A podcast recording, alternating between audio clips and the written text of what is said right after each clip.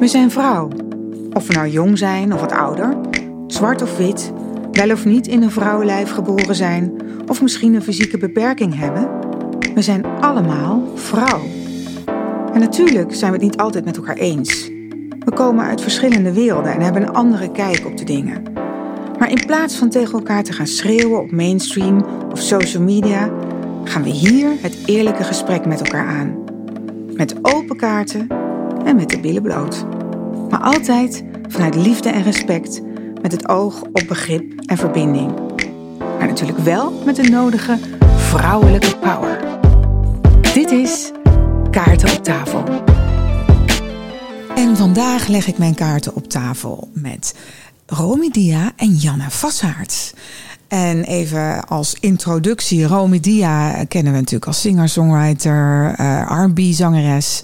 Bekend geworden door haar vele lekkere R&B-tracks, maar natuurlijk ook door de hit So Far Away met Martin Garrix en David Guetta.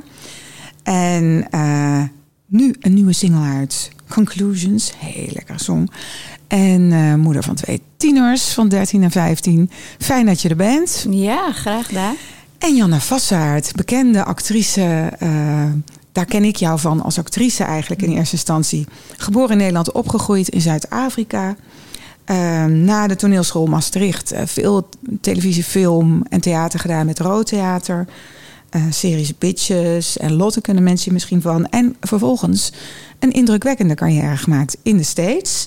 Um, gespeeld in de, films, in de film Couples Retreat. Naast onder andere Vince Vaughn en Jason Bateman. Uh, misschien hebben mensen ook de docu gezien van je broer. Mm. Ook zo'n getalenteerde persoon. Een getalenteerd gezin, zeg. Die heeft uh, de docu Family Affair gemaakt. Heeft een Gouden Kalf meegewonnen. En uh, inmiddels um, is Janna dus terug uit, uh, uit, uit de States. Is veel gebeurd. Is een heel nieuw pad ingeslagen. Heeft haar eigen uh, yoga studio, de jannayoga.com. En ook een eigen ja, soort coaching, well, uh, mindfulness uh, methode ontwikkeld. hoe heet die Janna? De kind? De kind. De kind. En dat is Zuid-Afrikaans voor het kind. ja, heel interessant. je hebt daar uitgebreid privé over gesproken. Maar check haar dus op jannayoga.com. En ze is intussen ook presentatrice, ecstatic dancer. Dat is iets wat ze ontdekt heeft. Ze heeft een opleiding vertrouwenspersoon. En ze heeft ook nog een onderneming die heet Creative Capital. En is ook, uh, heeft ook een stichting uh, ontdekt Gooise Meren.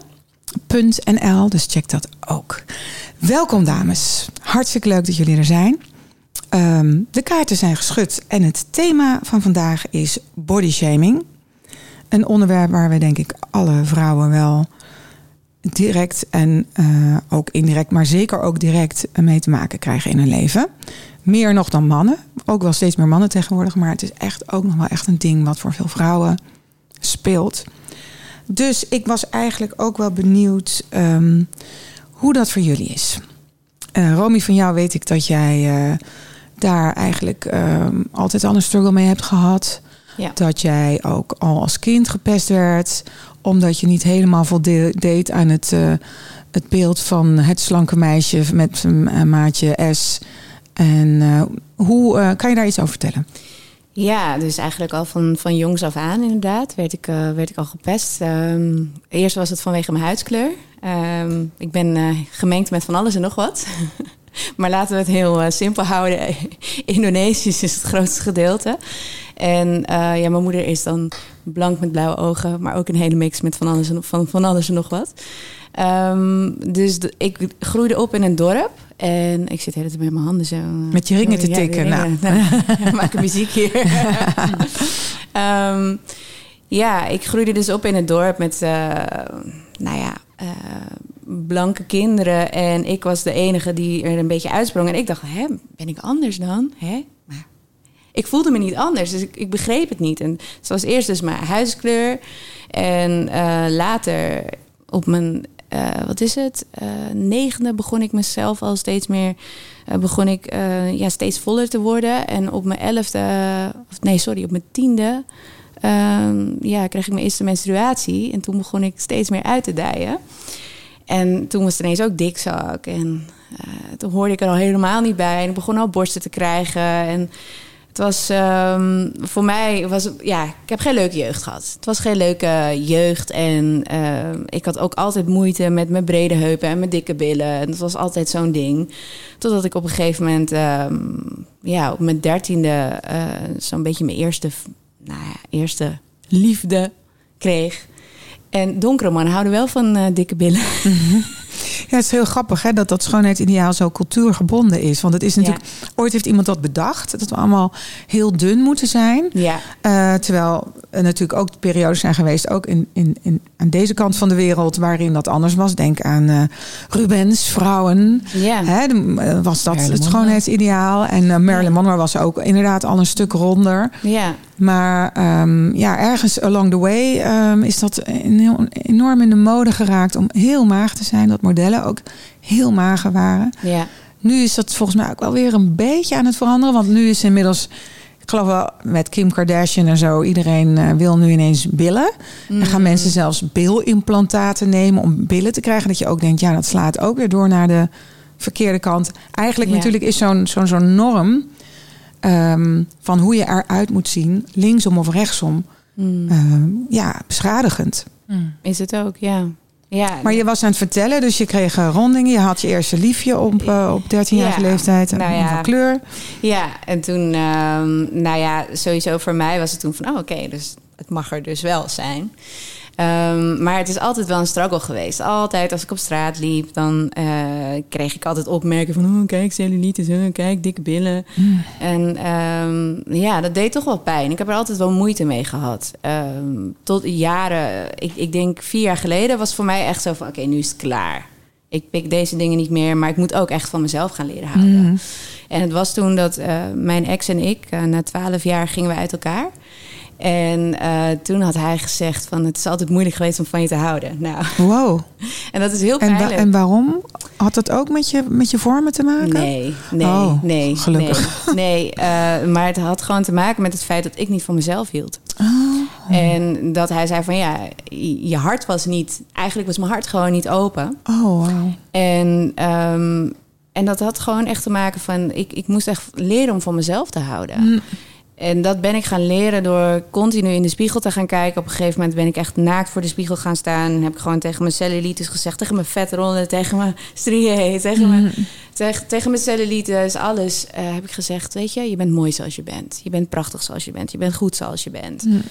En um, wat ik op een gegeven moment ontwikkelde was echt die confidence, zeg maar. En toen Mm. zagen mensen ook van, hey, je bent aan het stralen, what's going on? Mm. En dat had gewoon te maken omdat ik echt ja, naar mezelf anders ging kijken. En steeds meer het, het mooie zag in de tussen haakjes lelijke dingen. Ja, ja. Want- Wat ik ook interessant vind, waar ik even op terug wil komen, wat je net zei, van dat je jouw partner dus zei, het was moeilijk om van jou te houden, Mm.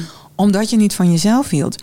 Dus eigenlijk, hè, wat je altijd hoort, dat mensen zeggen, je kunt pas van een ander houden als je van jezelf houdt. Maar blijkbaar is het ook zo dat als je niet van jezelf houdt, dat het het een ander ook onmogelijk maakt om van jou te houden. Ja, omdat je Dus- diegene wegduwt. Dat vind ik ook nog wel een hele interessante die, we, die ik niet vaak gehoord heb.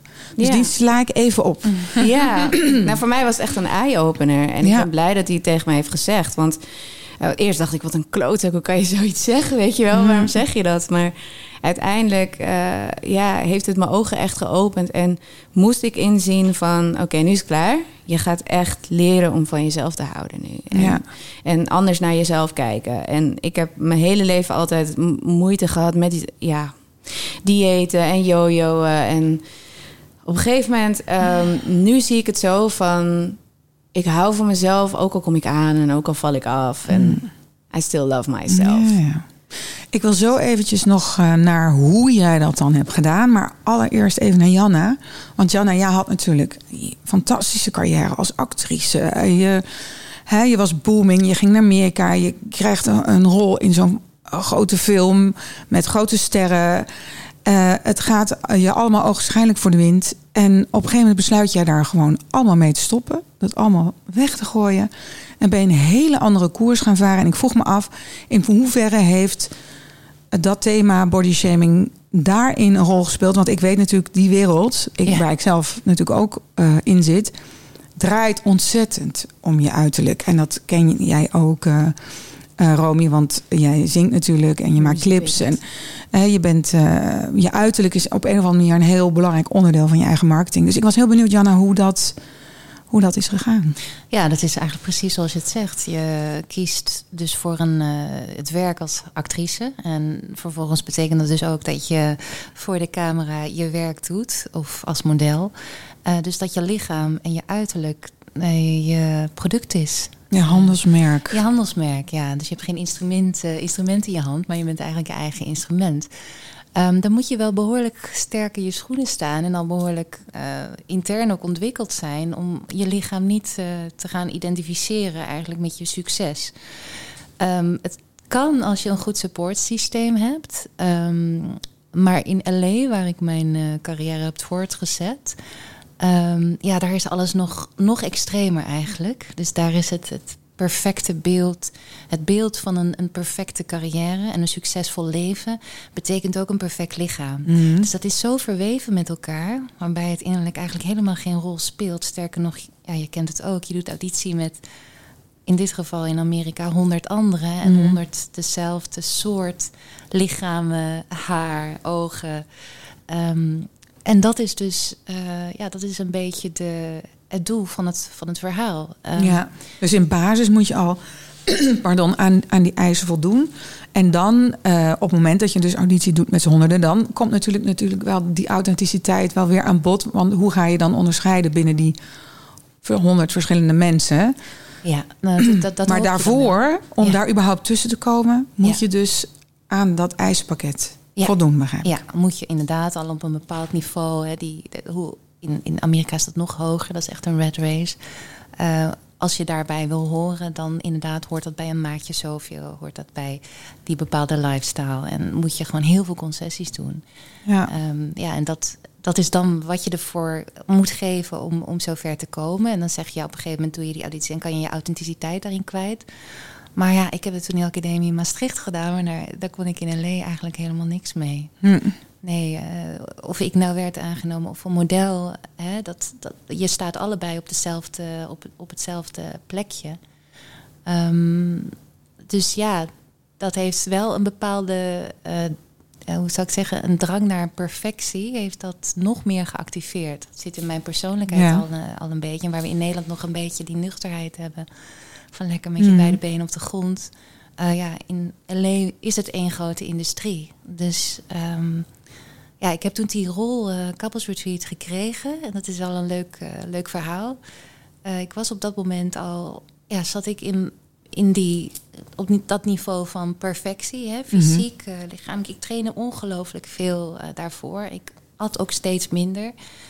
om maar in dat plaatje te, te, te passen. En toen ben ik naar Amerika, in, naar Couples Retreat, voor Couples Retreat, ben ik naar Bora Bora gevlogen. Ehm, en je moet je voorstellen dat dat zijn hele grote producties.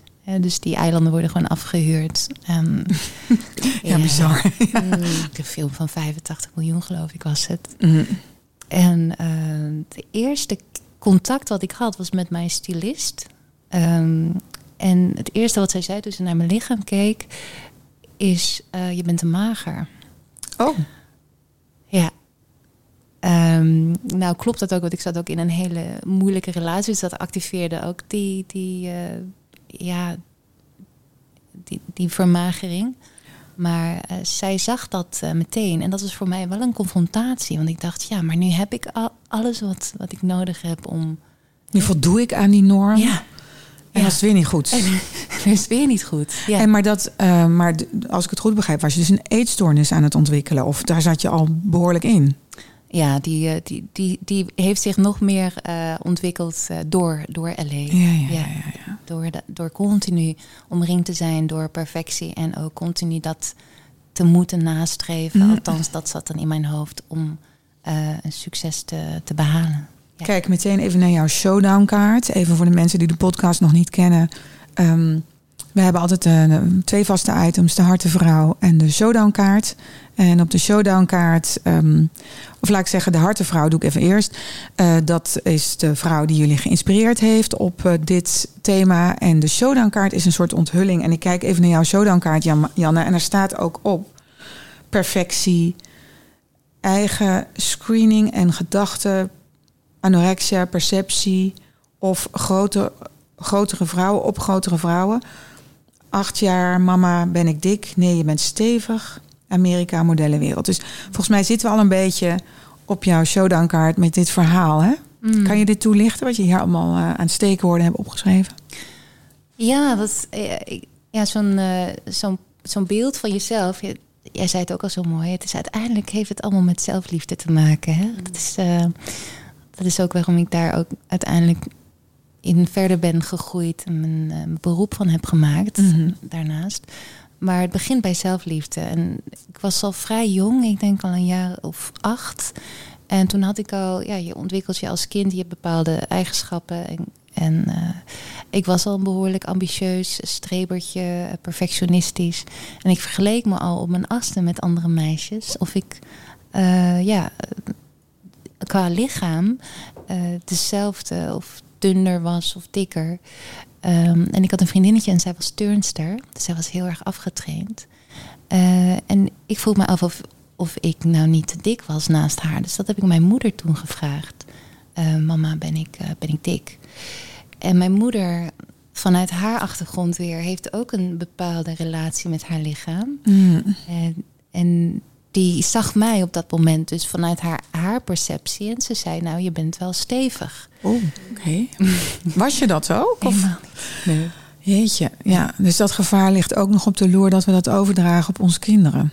Zeker, zeker. Dat, uh, dat denk ik wel, ja. ja. Is ook wel lastig, hè? Want ik kan me herinneren dat mijn... Uh, de oudste dochter van mijn zus was een hele stevige, gaan we, een stevige baby. Een volle baby, echt zo'n lekkere boeddha.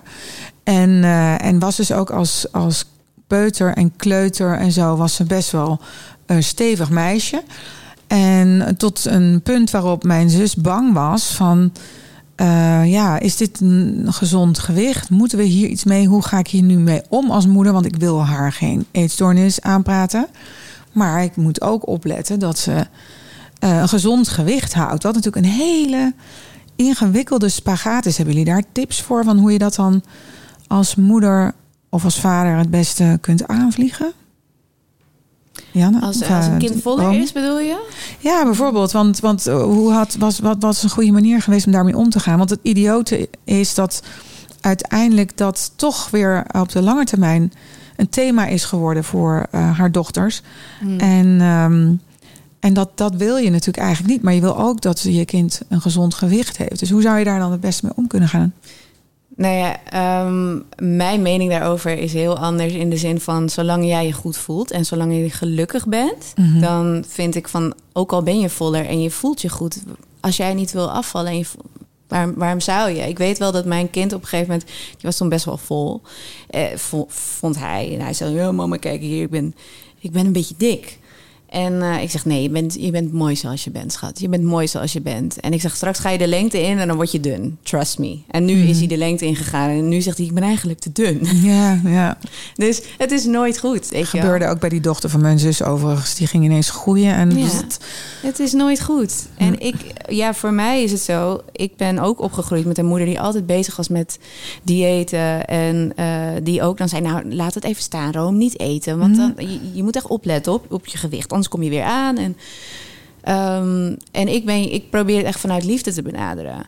Um, naar mijn kinderen toe. Van je bent mooi zoals je bent. Mijn kinderen zijn heel confident. Mijn ex vindt dat soms niet zo leuk. Die heeft dan oh. zoiets van. Omdat ze, ja, ze geloven echt in zichzelf. Weet je wel, ze vinden zichzelf echt. Uh, ze zegt ja. Uh, ze vinden zichzelf zo geweldig. Ik zeg, nou ja. Ja, lijkt me. Uh, kijk, zolang het geen narcisme is. nee. nee. maar gewoon nee, trots gewoon zijn op ja. jezelf. Ja, en blij zijn. zijn met jezelf. en denken. En ook van je, van je lichaam houden. Hè? Want dat is natuurlijk ook een proces. Ik moet eerlijk bekennen dat zelf ook. Uh, nou ja, ik ben er nu 55 jaar. en dat, dat heeft ook behoorlijk lang geduurd. En en nog steeds is dat een eeuwig gevecht. Hè? Ook dat alsmaar jong moeten blijven, bijvoorbeeld. Dat is natuurlijk ook zo'n dingetje. Ja. We hebben ook te maken met ageism, dus leeftijdsdiscriminatie, zeker vrouwen. Um, waarin je ook constant op je uiterlijk afgeschreven wordt. Dus enerzijds mag je eh, niet ouder worden. Hmm. Maar anderzijds, als je daar dan vervolgens wat aan doet, dan worden en, het, en, en ze komen erachter, dan word je daar ook op afgerekend. Dus je zit eigenlijk in een soort dabbel, onaangename dabbelvak. Ehm, dus ja, eh, en, en dat gewicht. Hè? Ik heb ook modellenwerk gedaan. En eh, ik weet dat ik me, ja, ik weet, ik had echt maat 36 en ik voelde me te dik. Hmm. Ik voelde me altijd te dik en te oud. Ja. Al toen al, want ik weet dat ik 19 was, had ik een klus als model. En zat ik met allemaal meisjes van 16. En dat ik dacht, ja, zie je wel, ik ben te oud, ik ben te oud. Ik ben 19. Dat ik dat nu aan terug denk, ik, Wauw. waanzin. Mm.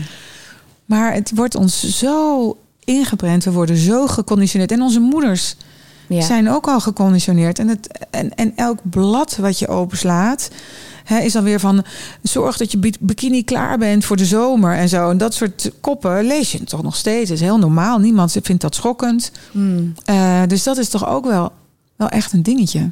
Ja, het ding is ook dat, dat we dan ook niet verder kijken dan, eh, dan het lichaam. Hè? Want Nee. dat, dat, daar wordt zoveel waarde aan gehecht. Ja, Dat we eigenlijk dan vergeten dan, dat het lichaam alleen maar, ja, als je, het, als je het bekijkt, het is een fantastisch instrument om onszelf op deze aardeschool eh, verder te brengen. Maar er is zo ongelooflijk veel meer. Eh, in, ons systeem is zo magisch. eh, waar, waar helemaal geen focus op, op gelegd wordt. Ehm, en voor mij was dat een hele grote stap om echt voorbij mijn lichaam te leren leven. Dus Ja. eigenlijk voorbij die beperking van het, van het perfecte lichaam. En voorbij die controle eh, in, in een soort van overgave te gaan leren leven. Mhm. Ja, en dat begint echt bij het proces van, van zelf, zelfliefde. Ja, en, absoluut. En waardering. Waarbij je dus het lichaam los gaat laten. Of het puur als praktisch eh, kanaal ziet. Of als praktische tempel, Mhm. hoe je het maar eh, bekijkt. Ja. En je innerlijk gaat vergroten eigenlijk. Door, door dat steeds groter te maken en steeds meer te leren over je innerlijke systeem. eh, kom je ook los van het, van het fysieke lichaam. Ja. Ja. Nou, wat ik ook eh, interessant vind eh, om te zien bij mijn eigen kinderen bijvoorbeeld, is dat tegenwoordig iemand ontmoeten gebeurt heel vaak online. Hmm. Dus mijn oudste kind is een transmeisje. En zij heeft online haar vriendin ontmoet. En die in Londen woont. Daar is ze nu op bezoek. En dat mag ik vertellen. En ehm, die hebben elkaar nu voor het eerst ontmoet. Maar die hebben elkaar dus online eh, ontmoet. In eerste instantie ook zonder uiterlijk. Dus alleen op schrift. eh, zeg maar via een, een, een soort ja, platform gekoppeld aan een of andere game die ze allebei leuk vonden. En hebben elkaar dus leren kennen. Hadden een mentale, emotionele, hoe zou ik het zeggen, eh, klik. En zijn vriendschap heeft zich verdiept. En uiteindelijk zijn ze ook gaan elkaar gaan zien. Dus op beeld, op het scherm. En gesprekken gaan voeren steeds meer. En zijn verliefd op elkaar geworden. En, en nu pas, na tien maanden, is dus de eerste fysieke ontmoeting. Dus het gaat eigenlijk andersom als bij, hoe het bij ons meestal ging. Is dat je iemand zag, dat je een chemistry voelt. Dat je diegene aantrekkelijk vindt om te zien. Dan weet je nog niets over iemands persoonlijkheid. En daarna ga je eigenlijk pas onderzoeken van... ja, ben je eigenlijk ook wel aardig? En dan is het natuurlijk heel vaak wat ze zeggen, liefde maakt blind. Dat je zo blind staart op die buitenkant... dat je genoegen neemt met misschien een iets minder leuke binnenkant... voor een veel te lange periode. Hmm. En, en dat je ziet dat nu door dat, dat online daten... dat het een beetje omdraait. En ik vind dat eigenlijk nog niet eens zo'n hele slechte ontwikkeling. Want ik denk, het levert misschien best wel wat op. En ik, eh, ik was heel benieuwd. En ik zei tegen mijn, eh, mijn dochter van... oké, maar hou er wel rekening mee... dat als jullie elkaar straks zien en, en, en ruiken en, en voelen... en in de ogen kijken... Hmm. dat het heel anders kan zijn. Dat je misschien, ja, dat misschien afknapt of zo. En zij keek me echt aan van afknapt. Wat bedoel je? Eh, dat gaat helemaal niet. We zijn zo al connected, weet je wel. Ik had daar volste vertrouwen in. En ik dan als beschermende moeder dacht... oh jee, oh jee, als dat maar goed gaat. En nou, ik krijg alleen maar labby foto's.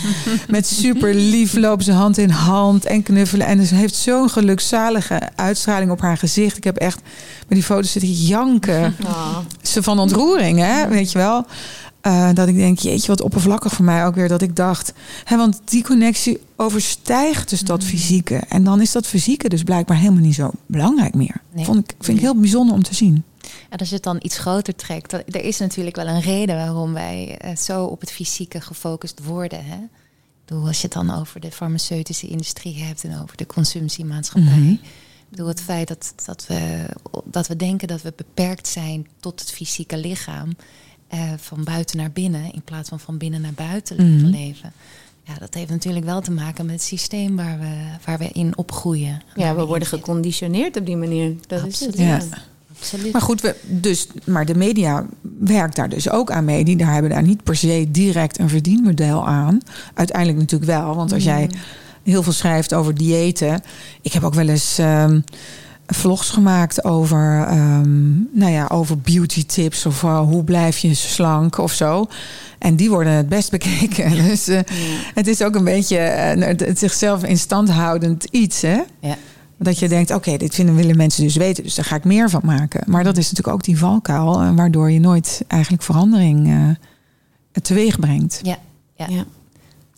Hoe zat het, uh, Jana, want je zat in je verhaal over Couples Retreat en daar gebeurde iets of daar is iets mee, waardoor je dus uiteindelijk besloot om weer weg te gaan uit de VS. Klopt dat? Vertel. Ja, dat heeft eigenlijk nou, heel erg te maken met... Nou, Couples Retreat was een, een, waanzinnig mooie ervaring. En daarna heb ik ook wel meerdere mooie producties kunnen draaien. Maar wat ik merkte is uh, dat ik mezelf zo... Mm, ja, hoe zeg je dat in het Nederlands? Aan het molden was in een vorm... Uh, die in die perfecte rol paste... dat ik eigenlijk mezelf langzamerhand helemaal verloor. Um, en het aparte is, is als je zo'n creatief beroep doet, maar niet, um, ge, uh, ja, niet uh, gestimuleerd wordt om je creativiteit of je innerlijke creativiteit te uiten, maar vooral je uiterlijk. Um, ja, ik, ik merkte dat ik dat, dat van binnen ging ik gewoon langzamerhand dood. Hmm. Ik, uh, ik, ik begreep gewoon eigenlijk helemaal niet meer waarom ik het vak überhaupt aan het doen was. Als ik mezelf zo ongelooflijk in dat stramien moest houden en tegelijkertijd zo doodongelukkig was. Mm. Um, dus die combinatie samen met een uh, hele destructieve relatie uh, heeft er uiteindelijk voor gezorgd dat ik uh, terug naar Nederland ben gekomen. een beetje teleurgesteld ook wel in, in het zo magische vak van acteren. Want het, het, het heeft zoveel. het is, heeft zoveel magie. Mm -hmm. Maar in LA zat er ook een hele harde ja. uh, façadekant bij. Ja. Fake it to make it eigenlijk. En maar doorduwen en maar op mentale kracht. En maar door uh, ten koste van jezelf. Want je wil het nou toch zo graag. Dus uh, ja, en die authenticiteit die, die was uh, ver te zoeken. En toen? toen? En toen ging je terug naar Nederland en toen? Ja, nou ja, dat is het uur van de waarheid eigenlijk. Want je gaat naar Amerika om eh, eh, een aantal eh, mooie successen te behalen. En dat is ook gelukt hoor. Dat, maar ik voelde toch ergens van ik, ik kom terug ehm, op aarde. En ik moet iets met ehm, die ontzettende hang naar perfectie. En ja, ik was eigenlijk gewoon een, een, een soort schaduw van mezelf geworden. Mijn carrière was alles. Ik had er alles voor gedaan. Ik had, uh, en uiteindelijk bleek ook dat ik dat voor de goedkeuring van mijn vader had gedaan. Uh, maar toen mijn vader zei: Ja, maar Jan, um, dat zeggen vrienden en familie als Jan. Uh, het is allemaal oké. Okay. Ik, hou van je zoals je bent. Je hoeft voor mij niet iets te doen waar je ongelukkig van wordt. Dat was eigenlijk voor mij wel de trigger om, om terug te komen naar Nederland. En heb je toen in Nederland heb je hulp gehad? Wat is er gebeurd? Ja, nou ja, we hebben dus uh, over het liggen, hè, body shaming. Mhm. Mm -hmm. ik, ik, was zo, ik was al zo ver van, uh, van mijn lichaam vandaan geraakt. Als een soort ballonnetje eigenlijk voelde ik me boven de aarde zweven. Alleen het hoofd nog, maar ik had helemaal geen contact meer met mijn, mijn lichaam. Er zat helemaal geen gevoel meer in. Geen gevoel meer in. Mm. Um, dus uh, toen ik uh, in Nederland kwam na de laatste première die ik in Nederland ook deed voor een film uit Amerika. Toen mijn broer en zus eigenlijk uh, gezegd: ja, jij moet uh, je op laten nemen. Wauw. Ja. En dan, en dan echt uh, in een kliniek voor mensen met een eetstoornis? Ja, inderdaad. Okay. Ja. En hoe lang heb je daar gezeten? dat was drie maanden. Oh, wauw. Ja, intern inderdaad. En dat heeft je geholpen? dat heeft me wel weer leren eten. Hmm. Ja, uh, dus dat heeft me echt geleerd om weer aan tafel te zitten en een boterham. Ik weet nog, mijn allereerste boterham was een boterham met uh, chocoladepasta. Gelijk heel heftig. Ja. Dus dat is ook de therapie. Hè? Je zit met z- zeven of acht andere meisjes aan Ja. tafel. Nou, de een nog beeldschoner dan de andere. En allemaal slim en intelligent en zo wijs en gevoelig. Maar 20.000 stemmen in je hoofd die je vertellen hoe verschrikkelijk je bent, hoe fout het is. Oh, dat suiker in die chocola, dan kan je niet eten. En, eh, ja. Absoluut. Ja. What we tell ourselves. Hè? Daar heeft uh, Brene Brown het natuurlijk ook Ja. vaak over. Ja. Dat stemmetje in ons hoofd. We moeten even door, want de tijd vliegt echt zo voorbij. Ik vind het zo jammer, want het Mm. zijn zulke heftige en intense verhalen waar we zoveel van kunnen leren. Maar ik wil ook ehm, even heel terug naar het thema body shaming en ook naar jouw showdown, Romy. Want jij schrijft hier, toen ik was afgevallen, was ik zelf mensen aan het body shamen. Ja, ja, ik dacht dus, als ik ga afvallen, dan ben ik gelukkig. Eh, want ik, eh, ik heb altijd, ja, wat ik al zei, gejojoed. En toen was ik ontzettend veel afgevallen. Ik was echt nou, op gewicht, zeg maar. En mijn heupen en billen nou, waren er nog een beetje, maar het was... Het was, ehm, ja, ik dacht, nu ben ik gelukkig. En wat er toen gebeurde, was dat ik continu ehm, mensen die voller waren, zei ik, kijk, daar, kijk dat lichaam, kijk, nou, dit ziet er toch niet uit. En toen dacht ik, wacht even, maar wa- wat ben ik nu aan het doen? Het is precies Wat, hetzelfde. wa- waardoor eh, kwam dat inzicht? Ehm, nou ja, ik ben best wel redelijk zelfbewust, maar voor mezelf was het op een gegeven moment van, hè, what am I doing right now? Het was gewoon, het ont, er was niet een directe aanleiding dat je dacht, oké, Mm, eh, Nee, dat was de eigenlijk spiegel. was het meer voor mij dat ik dacht... oké, nu, nu ben ik te afgevallen, nu ben ik gelukkig. Maar ik was eigenlijk helemaal niet gelukkig. Want het feit dat jij dus andere mensen afkraakt... dat zegt vaak iets over dat je zelf niet gelukkig bent. Mm. Want dat je dat kennelijk nodig hebt om je beter te voelen. Hmm. Om iemand anders zogenaamd raad te geven. Bijvoorbeeld. Of eh, Hmm. dat, dat ik dan tegen vriendinnen zei... oh, misschien moet je hierop letten. Misschien kan je dat beter laten. Misschien kan je zo en zo je, je, je voedingsschema indelen. Mm, mm, mm. En Nou ja, en vooral dus ook eh anderen afkraken waar Ja. je door jezelf misschien eh, minder hopeloos voelt. Nou, maar wat ik dus, ja, dat, dat is het inderdaad. Want dat dat veel zie ik ook mensen natuurlijk doen. Wat we allemaal wel eens op hebben, TikTok. ik. ehm, op TikTok word ik soms helemaal afgemaakt. En ik denk, nou ja, en dan je. denk je, I know you. Ik weet waar jij nu bent. Ja, ja, In welke staat van zijn. Ja, en ik, interessant. wat het grappige is ook tegen mijn haters, tussen haakjes, zeg ik ook altijd: ik heb niks anders dan liefde voor je. ja, ja, I'm sending you some love and light. ja. Omdat ik weet waar het vandaan komt. En dat, Klinkt passief-agressief, maar het is waarschijnlijk gewoon echt gemeend. Hè, omdat je weet hoe het, hoe het is om daar te staan op die plek. Omdat ik het weet. Maar ik, ik, wat ik echt. Ik probeer zo ook echt die liefde te Mhm. geven. Omdat ik, omdat ik weet waar het vandaan komt. Het is, liefde is het antwoord op alles eigenlijk. Mm, Om, Ja, om mooi. die zelfliefde te vinden en om anders naar de wereld te kijken. En eh, ja, om met liefde, liefde en compassie dingen in te zien. Ja. En dat zie ik nu dus ook met mijn lichaam. Dat ik denk, oké, nou, ik ben nu wat voller. Ik ben inmiddels wel, ehm, wel weer, nou ja, niet op dieet, wil ik het zo zeggen. Maar mijn, mijn, mijn lifestyle heb ik wel even aangepast. Omdat ik laatst een retreat had gedaan.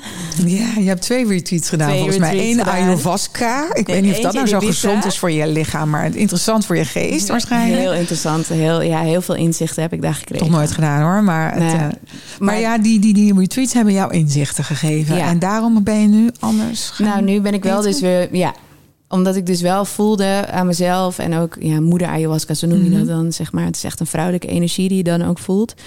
Ehm, die, die zei op een, op een gegeven moment ook van, you gotta take care of your temple. Yes. Dat heb je niet goed genoeg gedaan. Ja. Toen dacht ik, ah.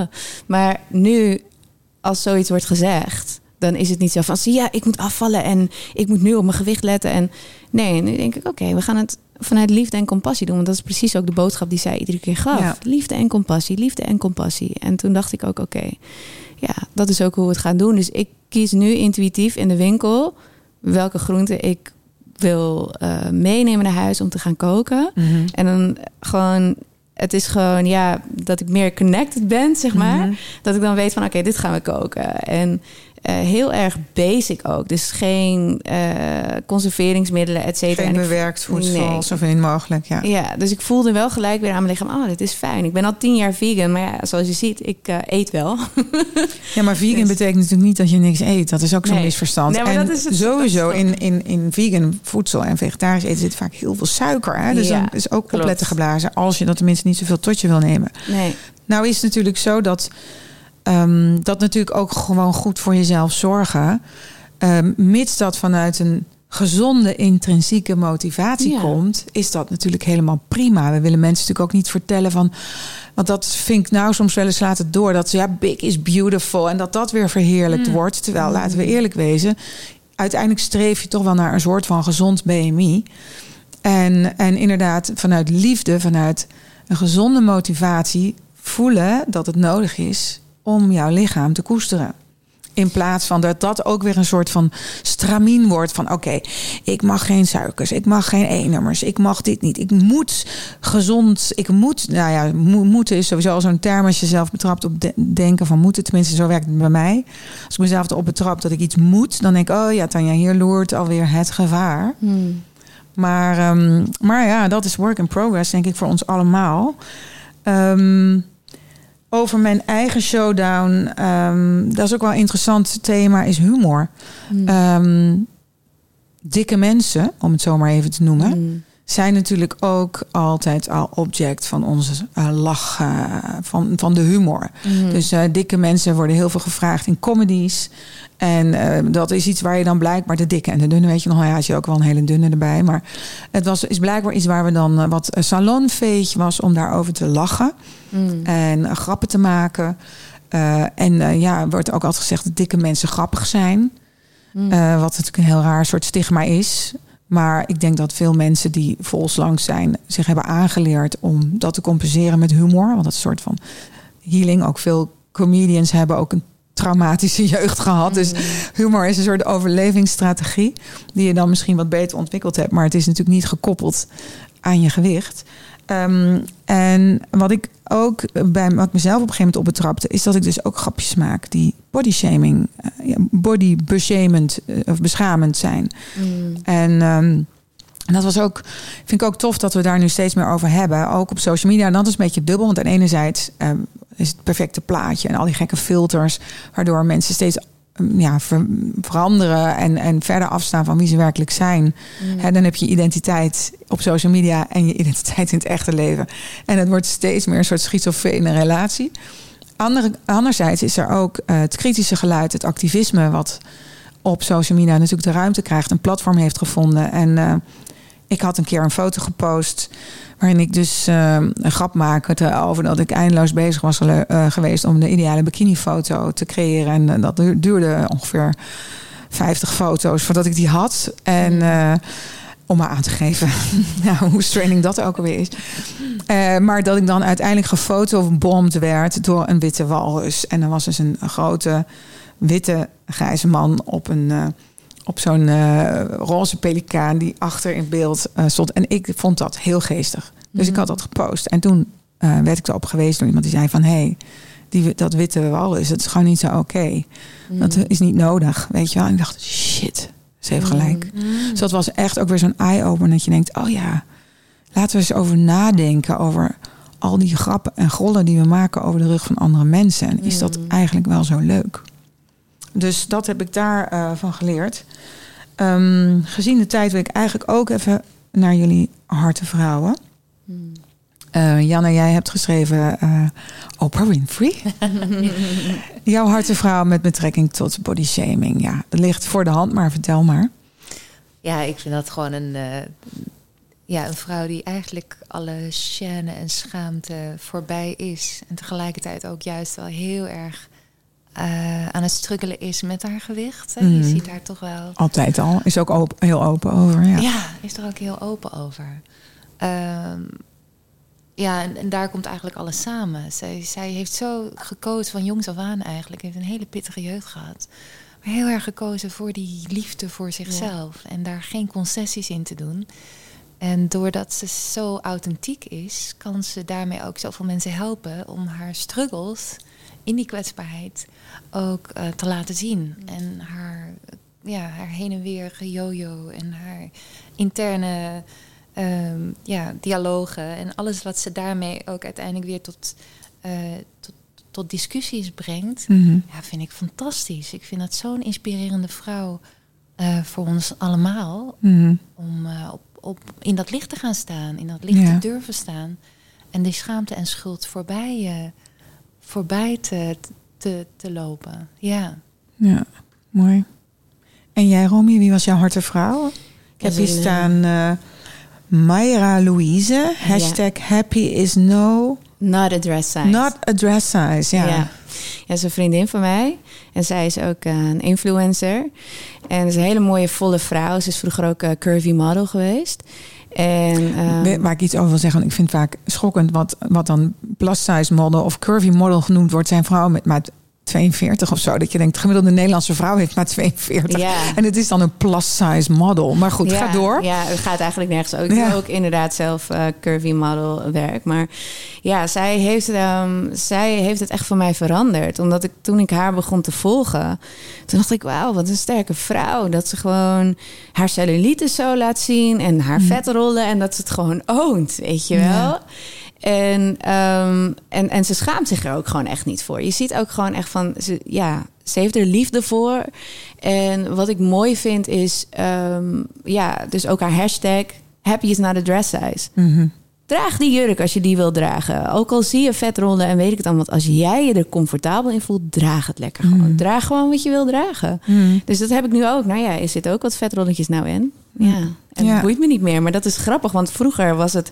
Ik was mezelf continu altijd aan het afkleden. Omdat ik dacht, hm, ja, dan zie je dingen. En toen denk ik, nee, ik draag wat ik wil Fuck dragen. it. Maar dat komt doordat ik haar zo met confidence dingen zag dragen.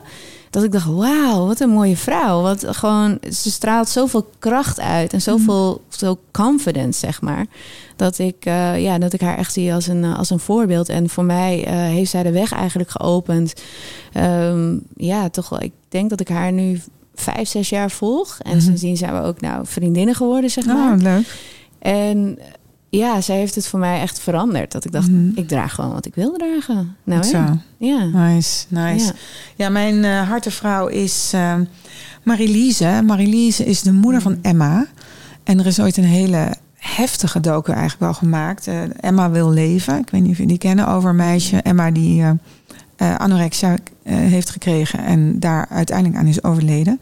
En dat Mm. hele pad naar het einde toe is, eh, is gevolgd op haar eigen verzoek. Dat wilde ze laten zien. En ze, heeft, ze wilde wel leven, maar het is niet gelukt. En Marilise heb ik ontmoet. Zij woont ook hier in Almere. En eh, gesproken. En dan vooral als moeder ah, dacht ik, jemig. Dit is wat wij, als wij deze cultuur in stand houden, onze kinderen aandoen. Hè? Ja. En, en hoe heftig dat ook voor een moeder is om je, om je kind zo te verliezen. En uh, hebben ze deze documentaire echt als letterlijk document achtergelaten. Ook uh, nadrukkelijke wens van Emma zelf, maar ook als kreet van SOS, weet je wel. Er, er, er moet echt wat gebeuren. Het is een vrij schokkende mm. documentaire gemaakt door Jessica Valerius... die natuurlijk heel veel ook omtrent dat thema heeft, uh, heeft gedaan. Uh, maar zeker de moeite waard om, uh, om eens te gaan zien. Emma wil leven heet die documentaire. Ja, meiden. En dan wil ik eigenlijk naar het einde toe van dit gesprek... want we zouden hier natuurlijk eindeloos over door kunnen praten. Er is nog zoveel. Maar vooral ook even naar van... oké, okay, wat moet er nu gebeuren? Wat is er nu nodig? Uh, Romy, jij vertelde aan het begin al... dat je die omslag nu hebt gemaakt hè, naar mm. veel meer zelfliefde. Maar de vraag is natuurlijk, hoe hoe doe je dat? Want we kunnen allemaal zeggen, ja, je moet een omslag maken. Nee. Maar ja, ga er maar aan staan. Dus hoe, hoe doe je dat? Hoe heb jij dat gedaan? Ja, spiegeltherapie voor mezelf. Um, dus echt in de spiegel kijken. En je hoort het natuurlijk vaak ook van Chaka. psychologen. van psychologen. maar het is echt... Um, ga maar voor de spiegel staan. En ga maar tegen jezelf zeggen... je bent mooi zoals je bent. En op een gegeven moment heb ik ook een, een, een Hawaiiaanse methode heb ik gebruikt. Het heet Ho'oponopono. Misschien dat het jullie mm, bekend zeker, is. Ja. ja. Ik ken het niet. Dus, nee, um, stel, ja. dus je zegt eigenlijk... Um, I'm sorry... I forgive you, I love you, thank you. En um, ik heb dat dus ook gedaan door middel van in de spiegel te kijken, echt naar mezelf. Dat ik gewoon tegen mezelf zeg: I'm sorry. I forgive you, I love you, thank you. En dat continu herhalen. En het wordt op een gegeven moment best wel ja, confronterend. Want die, die woorden reflecteren echt. Want je kijkt naar uh, je ogen zijn eigenlijk uh, de. de ramen van je ziel. Mm. Ja, de, de ramen naar je, naar je ziel toe. Dus um, als je dat gaat doen en jezelf dus echt aankijkt in de spiegel, dan komen die woorden ook binnen. En als je dat in ieder geval vijf minuten per dag doet, op een gegeven moment ga je na een maand echt zien van. Je gaat jezelf zo anders zien. Dat Dus heb ik. is echt practice. Gewoon Ja, oefenen, practice. oefenen, oefenen, oefenen. hè? Ja. Je moet er wel wat voor doen. Ja, je moet er wel voor doen, maar echt naakt staan en echt de dingen vastpakken die je niet mooi vindt aan jezelf. ik krijg nu al zo een benauwd gevoel. Dat zegt ook al genoeg, hè? Ja, maar ik heb dat ook gehad, heel lang. er doorheen, dan, ja. met, met mijn ex dan, als ik dan, eh, nou ja, even, dit is X-rated, maar goed. als ik dan seks met hem had gehad, dan, dan ging ik altijd een deken om me heen doen. En langs de spiegel dacht ik, eh, ik wil mezelf echt niet zien. Jeetje, ja. Zo. ja, ja, en nu loop ik langs de spiegel en denk ik, ja wel hoor. Ja, en het is ook zo anders. belangrijk voor een gezond seksleven. Hè? Dat je happy bent met je lichaam. Mijn man zegt dat heel vaak. Die zegt, zo'n vrouw... Ik heb liever een vrouw die helemaal niet aan eh, de geldende schoonheidsnorm voldoet.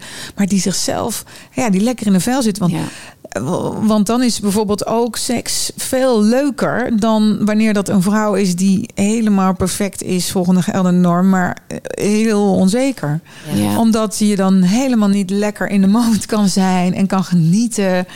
Eh, want er is altijd een stemmetje die zegt: Oké, niet voorover buigen, want dan heb ik, eh, ben ik een hangbuikzwijntje. Of dan gaan mijn borsten gek hangen. Of dan heb ik een onderkin. Of, of ik weet hoe ik eruit zie als ik voorover hang. Ja, oh, dat, dat doen we niet meer. Nee. En uh, of dat je denkt, oh, als ik zo lig, dan heb ik cellulitis. Die stemmetjes brengen je natuurlijk helemaal out of the mood. Ja. Dus je wil natuurlijk juist dat allemaal los kunnen laten en gewoon pff, helemaal gaan. ja, maar ook daardoor... Ecstatic dansen. Ja, ja, ja, inderdaad. Dat is een van de manieren inderdaad. Ja. Het is om die totale vrijheid te ervaren. Heel mooi. Het is trouwens mooi dat je dat zo... Ik ben gisteren naar Awake, Awake gegaan. Ja. En daar gebruikten ze ook die, dat mantra. Van, Vertel even, wat is Awake? Want niet iedereen weet dat. Ehm, Ja, dat is van IDT. Dat is een experience. Eigenlijk een, eh, een drie uur durende totaalervaring. Waarin je begint... Ja, een groep van... Het waren er 150 tot 200 man. Mm. Je begint in meditatie en vervolgens... Ja, je komt in verschillende elementen. Van aarde naar lucht, naar vuur.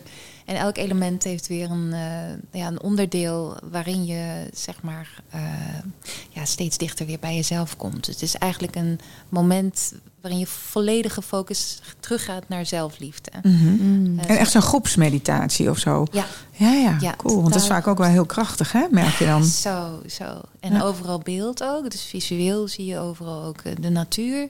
En een prachtige performance van, eh, van een vrouw. En vervolgens gaat dat uit, mondt dat uit vanuit Mm. meditatie naar een cacao-ceremonie. Oh, mooi. Dus dat Mm. ja, activeren van al die... ehm, Je hart openstellen. Ja, Ja. precies. Uiteindelijk naar ecstatic dance. En ecstatic dance, moet ik zeggen, ik heb dat echt... eh, Maar dan zonder drugs allemaal. Want ik, ik ken wel die Inspiration White Parties of zo van ID&T. Ja. En dat was natuurlijk altijd ook eh, met pilletjes en dingetjes en zo. Dus ik vind het altijd heel interessant dat dat soort organisatoren dan ineens eh, helemaal die spirituele weg inslaan. Ja. En, eh, maar ik ben altijd bang dat dat dan toch ook weer een soort van gecommercialiseerd wordt. Maar of zie ik dat helemaal verkeerd? Ah, ik moet zeggen dat eh, de, de, de ontdekker of initiatiefnemer, Janusz, die komt wel echt vanuit een eh, intrinsieke drive om eh, natural high te ervaren. Die heeft misschien ook zo'n ontwikkeling Ja. zelf doorgemaakt. zelf inderdaad Ja. ook uit een hele Mm. corporate eh, wereld en heeft uiteindelijk inderdaad het, het licht gezien, zeg maar. Hm. Ehm, ja, en die ecstatic dance, dat is echt therapie. Dat is Ja. wel als je vrij wil komen van je lichaam en vrij wil Mm. komen van je mentale slavernij eigenlijk, zou ik het bijna willen zeggen. Eh, dan is juist dan eh, zo'n vorm als ecstatic dance eh, de manier om, om ja, je, je vrijheid, je authentieke zelf te gaan ontdekken en ervaren. Waardoor je ook in je seksleven inderdaad zo, zoveel Ja. plezier kan Ja. hebben. En voor mij was yoga ook een hele, hele belangrijke manier om Ja. weer een intieme relatie met mijn lichaam te krijgen. En dan geen Bikram. Nee. We hebben allemaal die docu gezien, hè? Tenminste, ik weet niet of iedereen hem gezien heeft, maar gaan we zien. Het is schrikbarend, maar bij Bikram is, het eh, zit je weer in een soort wedstrijd. En dat wil je natuurlijk juist niet. In yoga gaat natuurlijk heel erg over jou en de mat. En Ja. eigenlijk jouw eigen innerlijke proces. En, eh, En juist met die Ja. imperfectie om leren gaan. En juist met die intieme relatie. en je grenzen. En ja. daar doorheen te ademen. Angst, je onzekerheden. En dan heel dicht bij je lichaam ook te zitten. Want je zit echt een, een, een uur lang ben je met je lichaam bezig. Mhm. En ook je, je grenzen te accepteren. Ja. Oké mee te zijn. eh, ook belangrijk. En maatschappelijk, eh, meiden. Wat moet er maatschappelijk gebeuren om uit deze, onder dit juk van perfect moeten zijn en dan volgens een bepaalde definitie om daar uit te komen? Wat kunnen we nou doen om, om echt een culturele omslag te maken waardoor we al die vrouwen en inmiddels ook mannen daarvan bevrijden? Want wat ik nu zie is dat niet alleen vrouwen nu aan een uh, heel duidelijk uiterlijk profiel moeten voldoen, maar dat er dus ook de mannen steeds meer beoordeeld worden op spierbal. En mannen dus spierbalimplantaten laten plaatsen. Echt dat soort wanhoopzaden. En dat ik dan denk, oh, maar dat was toch niet de bedoeling? De bedoeling was juist dat we dat vrouwen dit minder gingen doen. En dat mannen, niet dat mannen dit juist meer ook gaan doen. Dus hoe kunnen we dat nou uh, doorbreken? Hebben jullie daar een idee over? Ik denk school sowieso. Dat nu al op de basisschool, als je um, kinderen al uh, meer bewust maakt van um, nou ja, dus eh, wat jij al zei, dus meer in contact komen met jezelf. Mm -hmm. Dus um, mediteren bijvoorbeeld. Dat al leren. En die zelfliefde, gewoon echt een soort van, van zelfliefde, dat dat al de basis gaat worden op basisscholen. Dat, men, mm -hmm. dat kinderen dat echt gaan leren om in de spiegel te kijken naar zichzelf en zichzelf lief te hebben. Ik vind eigenlijk dat het gewoon in, in het basisschoolpakket Curriculum moet, moet ja. Ja, Um, want ik merk het ook altijd. Ik geef dan ook uh, af en toe les uh, bij de Herman Brood, Brood Academie. Mhm. Mm -hmm. En dan vaak hoor ik dan uh, de meiden, die zijn altijd heel onzeker. Die zeggen, ja, nou, maar het is nog niet af. Als ze een liedje willen laten horen, het is nog niet af. En ja, mijn stem was even niet zo... mijn stem ging even niet zo lekker. Ik zat niet zo lekker in mijn vel. Gewoon he Helemaal allemaal excuses. en um, dan merk je al gelijk die onzekerheid. Ja, ik, zit, ik zat niet zo lekker in mijn vel en dit en dat. En, Indekken. Ja, en je bent, maar dat zijn we zo gewend, om dat op die manier continu te horen. En wat wij nu dus bijvoorbeeld ook bij de Herman Brood Academie hebben, is dat we hebben gewoon sommige docenten die geven gewoon meditatielessen. Ja, wat goed. Ja, je lacht er nu om, maar het, het is werkt eigenlijk. Echt. Ik, ja. het, is, het werkt Ik ben het wel met je eens. Het werkt echt. Ik denk echt, ik zeg ook altijd communicatielessen op uh, scholen, leren communiceren. Ja. Want ik heb dat nu de afgelopen eigenlijk pas fatsoenlijk geleerd in relatietherapie. Hoe je anders communiceert. Denk, jeetje, heb ik al die jaren heb ik me toch schuldig gemaakt aan een partij ja, uh, sa jezelf saboterende manieren van, van communiceren, waardoor je eigenlijk uh, per definitie crasht of uh, ja. in ieder geval niet meer verder komt in het gesprek en, en dat het escaleert in plaats van dat je ingangen vindt. En er zijn eigenlijk hele simpele tools. Waardoor je veel meer vanuit je gevoel kunt communiceren. En daarin dus ook niet constant de ander aanvalt. En die ander dus ook in staat is om te horen wat je zegt. En, ja. Daar gaat mijn single over trouwens, ja. Oh, interessant. ja. En nou ja, en, en dus dat ik denk, oké, okay, dus um, communiceren, maar dus ook mediteren, zelfliefde, dat zijn toch eigenlijk essentiële vakken. Het is zo gek dat we dan op de basisschool leren we rekenen, we, re we leren grammatica, we leren wat geschiedenis, vind ik wel een heel belangrijk vak trouwens. Maar dit soort essentiële tools mm. voor het leven leren we niet. Sociale vaardigheden. Nee. nee. nee. Ja. En dat begint eigenlijk al heel jong. Hè? Als, als kind moet je eigenlijk al kiezen, is het een jongetje of een meisje. Dus ja. daarin moeten we wel een oordeel gaan vellen of vooroordelen Ja. of een, een scheiding gaan brengen tussen uh, jong en jongetje is blauw Alsof en dan belangrijk meisje is. Ja. En daar, volgens mij begint daar al een, een, een want ik denk ja, wij als maatschappij kunnen we ons wel weer heel erg gaan richten. Oké, okay, hoe moet het dan? Maar dan ga je daar weer aandacht op geven. In plaats van, denk ik persoonlijk, meer te kijken naar hoe kan je verbinding vinden. Mm. En niet uh, het, uh, het ene uh, weer extreem maken of het andere weer naar beneden halen. Mm. Maar hoe kan je juist uit die, um, ja, die segregatie komen? Dat binaire denken, ja. ja.